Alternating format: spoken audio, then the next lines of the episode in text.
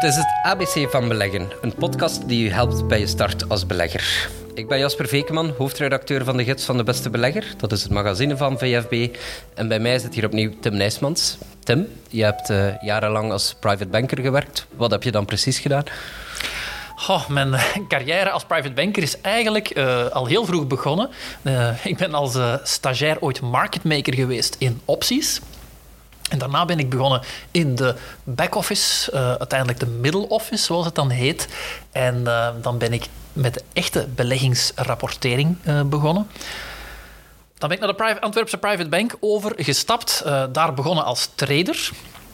En uiteindelijk een beetje een mengeling geworden van een analist, een vermogensbeheerder en een fondsbeheerder. Dus ik heb eigenlijk in de financiële sector toch wel heel wat verschillende jobs uh, gehad. In deze aflevering alweer een zeer belangrijke vraag voor elke beginnende belegger. En dat is, waar haal ik informatie?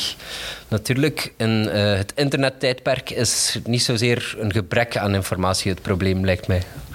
Nee, dus dat is het grote voordeel van deze tijden, is dat er enorm veel informatie te vinden is online.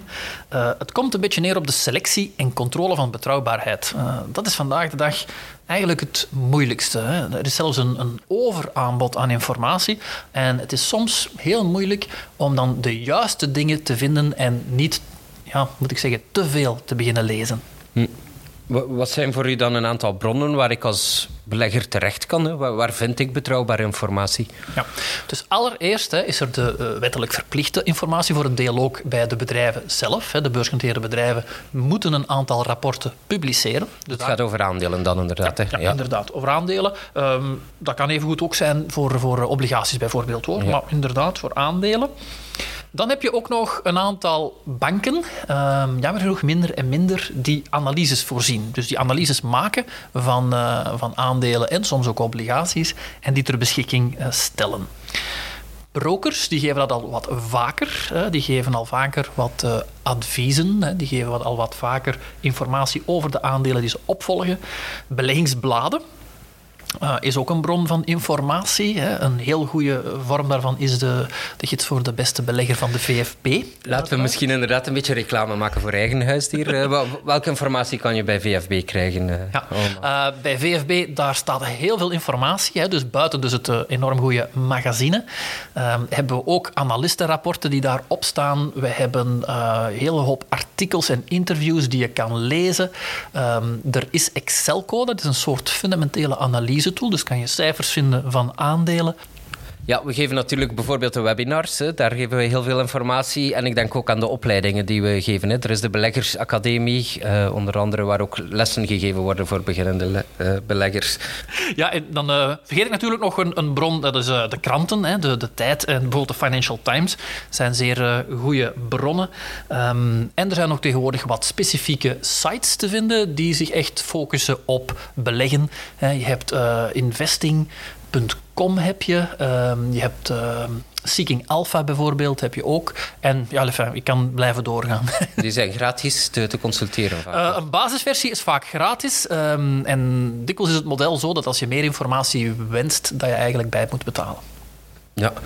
Nu, om dat een keer concreet te maken, hè. stel dat ik overweeg een bepaalde belegging. Ik denk bijvoorbeeld, ik wil beleggen in hernieuwbare energie als thema. Hoe zou jij het dan aanpakken? Waar ga jij op zoek naar informatie? Ja, dus uh, ik zou al beginnen zoeken op uh, de sites van dus de financiële pers, zoals inderdaad de Tijd en de Financial Times. En dat is een zoekfunctie dat je kan uh, gebruiken. Eh, je kan ook gewoon googlen en daarmee beginnen. Het klinkt heel eenvoudig, maar zo begint het vaak ook. Um, en een tip die ik kan geven is als je een fonds of een tracker gaat zoeken hè, of vinden bij, uh, van hernieuwbare energie, uh, dan kan je eigenlijk daar al zien wat vaak de top 10 of soms zelfs de volledige portefeuille is. En kan je op basis van die namen, op basis van de top 10 aandelen die daarin zitten, kan je eigenlijk zelf verder onderzoek beginnen doen en dan weer opnieuw verder zoeken naar de namen van die bedrijven. En zo begin je eigenlijk uh, aan een zoektocht waar dat je links-rechts meandert en kom je dieper en dieper in die uh, sector terecht. dat is inderdaad misschien wel goed om even mee te geven dat er inderdaad over elk fonds wel heel wat informatie te vinden is. Uh, ik denk dat is de essentiële beleggersinformatie wordt dat genoemd, zeker. Essentiële beleggingsinformatie is zeker interessant. Uh, je vindt vaak die top 10 wel in de factsheet. Dus die staat vaak niet, uh, jammer genoeg, in de essentiële beleggingsinformatie.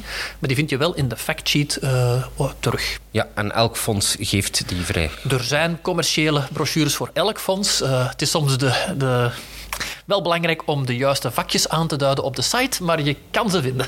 Ja, oké. Ehm, laten we dan misschien eens kijken naar de informatie die een belegger typisch krijgt van zijn, zijn bank, van zijn broker of van zijn beurshuis, eh, waar hij zijn aandelen zal gaan kopen.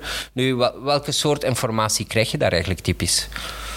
Ja, dus het wordt vaak in de vorm uh, gegoten van een uh, analyse.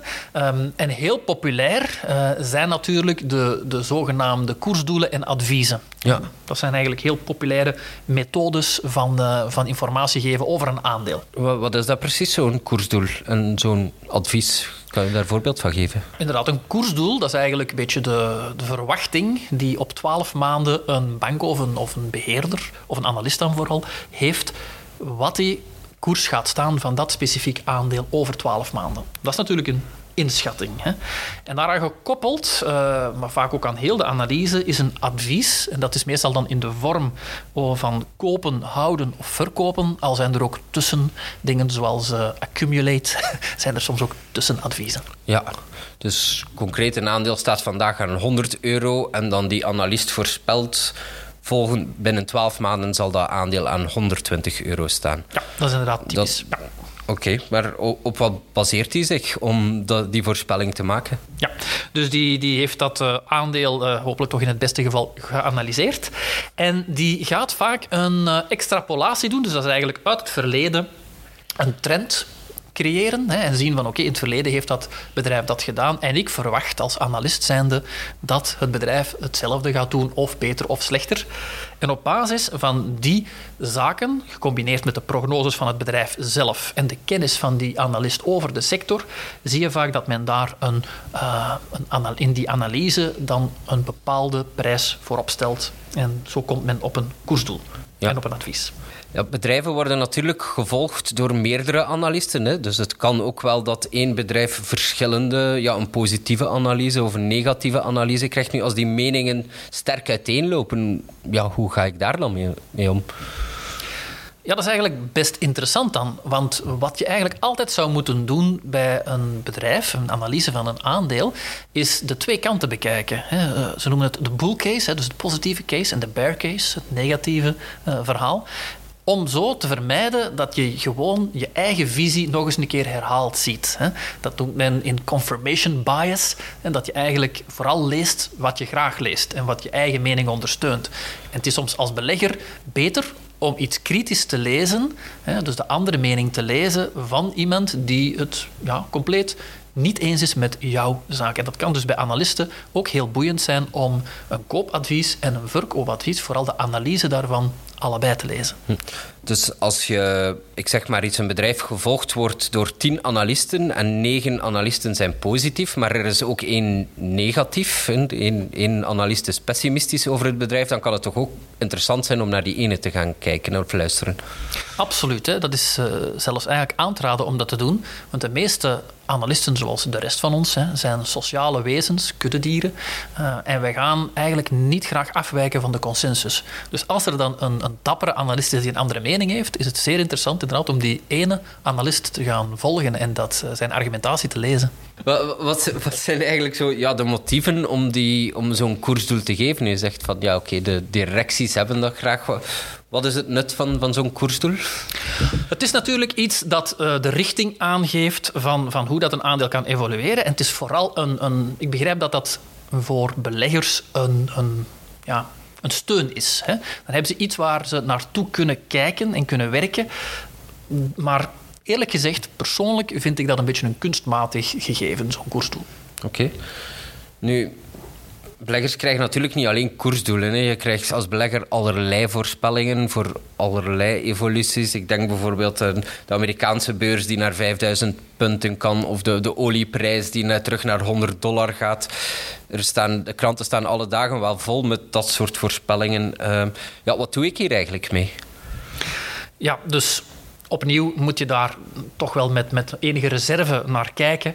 De argumentatie, die kan wel heel boeiend zijn om te zien waarom denkt die stratege bijvoorbeeld, of denkt die analist, of denkt die beheerder dat dat gaat gebeuren, dat element. Maar echt op die voorspelling afgaan, dat is vaak niet zo'n interessante uh, optie, omdat ja, er zijn verschillende meningen bij verschillende uh, strategen. En welke ga je dan nemen? Ja. Naast die allerlei voorspellingen zijn er ook altijd wel beursgoeroes die een, volgende crash voorspellen of een, een nieuwe boom op de markten. Natuurlijk, als ze dat maar vaak genoeg doen, zullen ze altijd wel eens gelijk krijgen, denk ik dan. Nu, aan dat soort uh, moet ik daar eigenlijk enige aandacht aan besteden. Ja, die zijn natuurlijk zeer populair, die mensen. Dat zijn een beetje de rocksterren van de financiële wereld. Uh, maar weet dat het vaak één goede voorspelling doen is soms al genoeg om die status te krijgen. Kijken we bijvoorbeeld naar Rubini, die de financiële crisis uh, voorspeld heeft, dan zien we dat hij nadien nog twintig andere voorspellingen, vooral negatieve voorspellingen, gedaan heeft, waarvan er 19 niet uitgekomen zijn. En dat maakt eigenlijk dat die, die beursgoeroes ook niet... Um, ja, niemand heeft een glazen bol. Ook die beursgoeroes niet. En die hebben wel wat kennis en soms interessant om hun filosofie te horen. Maar ga inderdaad er niet vanuit dat iemand die één keer of twee keer de beurs goed voorspeld heeft, dat hij daarna altijd opnieuw gelijk gaat krijgen. En een goede tip voor mensen die ambiëren om ooit goeroe te worden, inderdaad, voorspel altijd hetzelfde, ooit zal het eens uitkomen. Oké, bedankt Tim.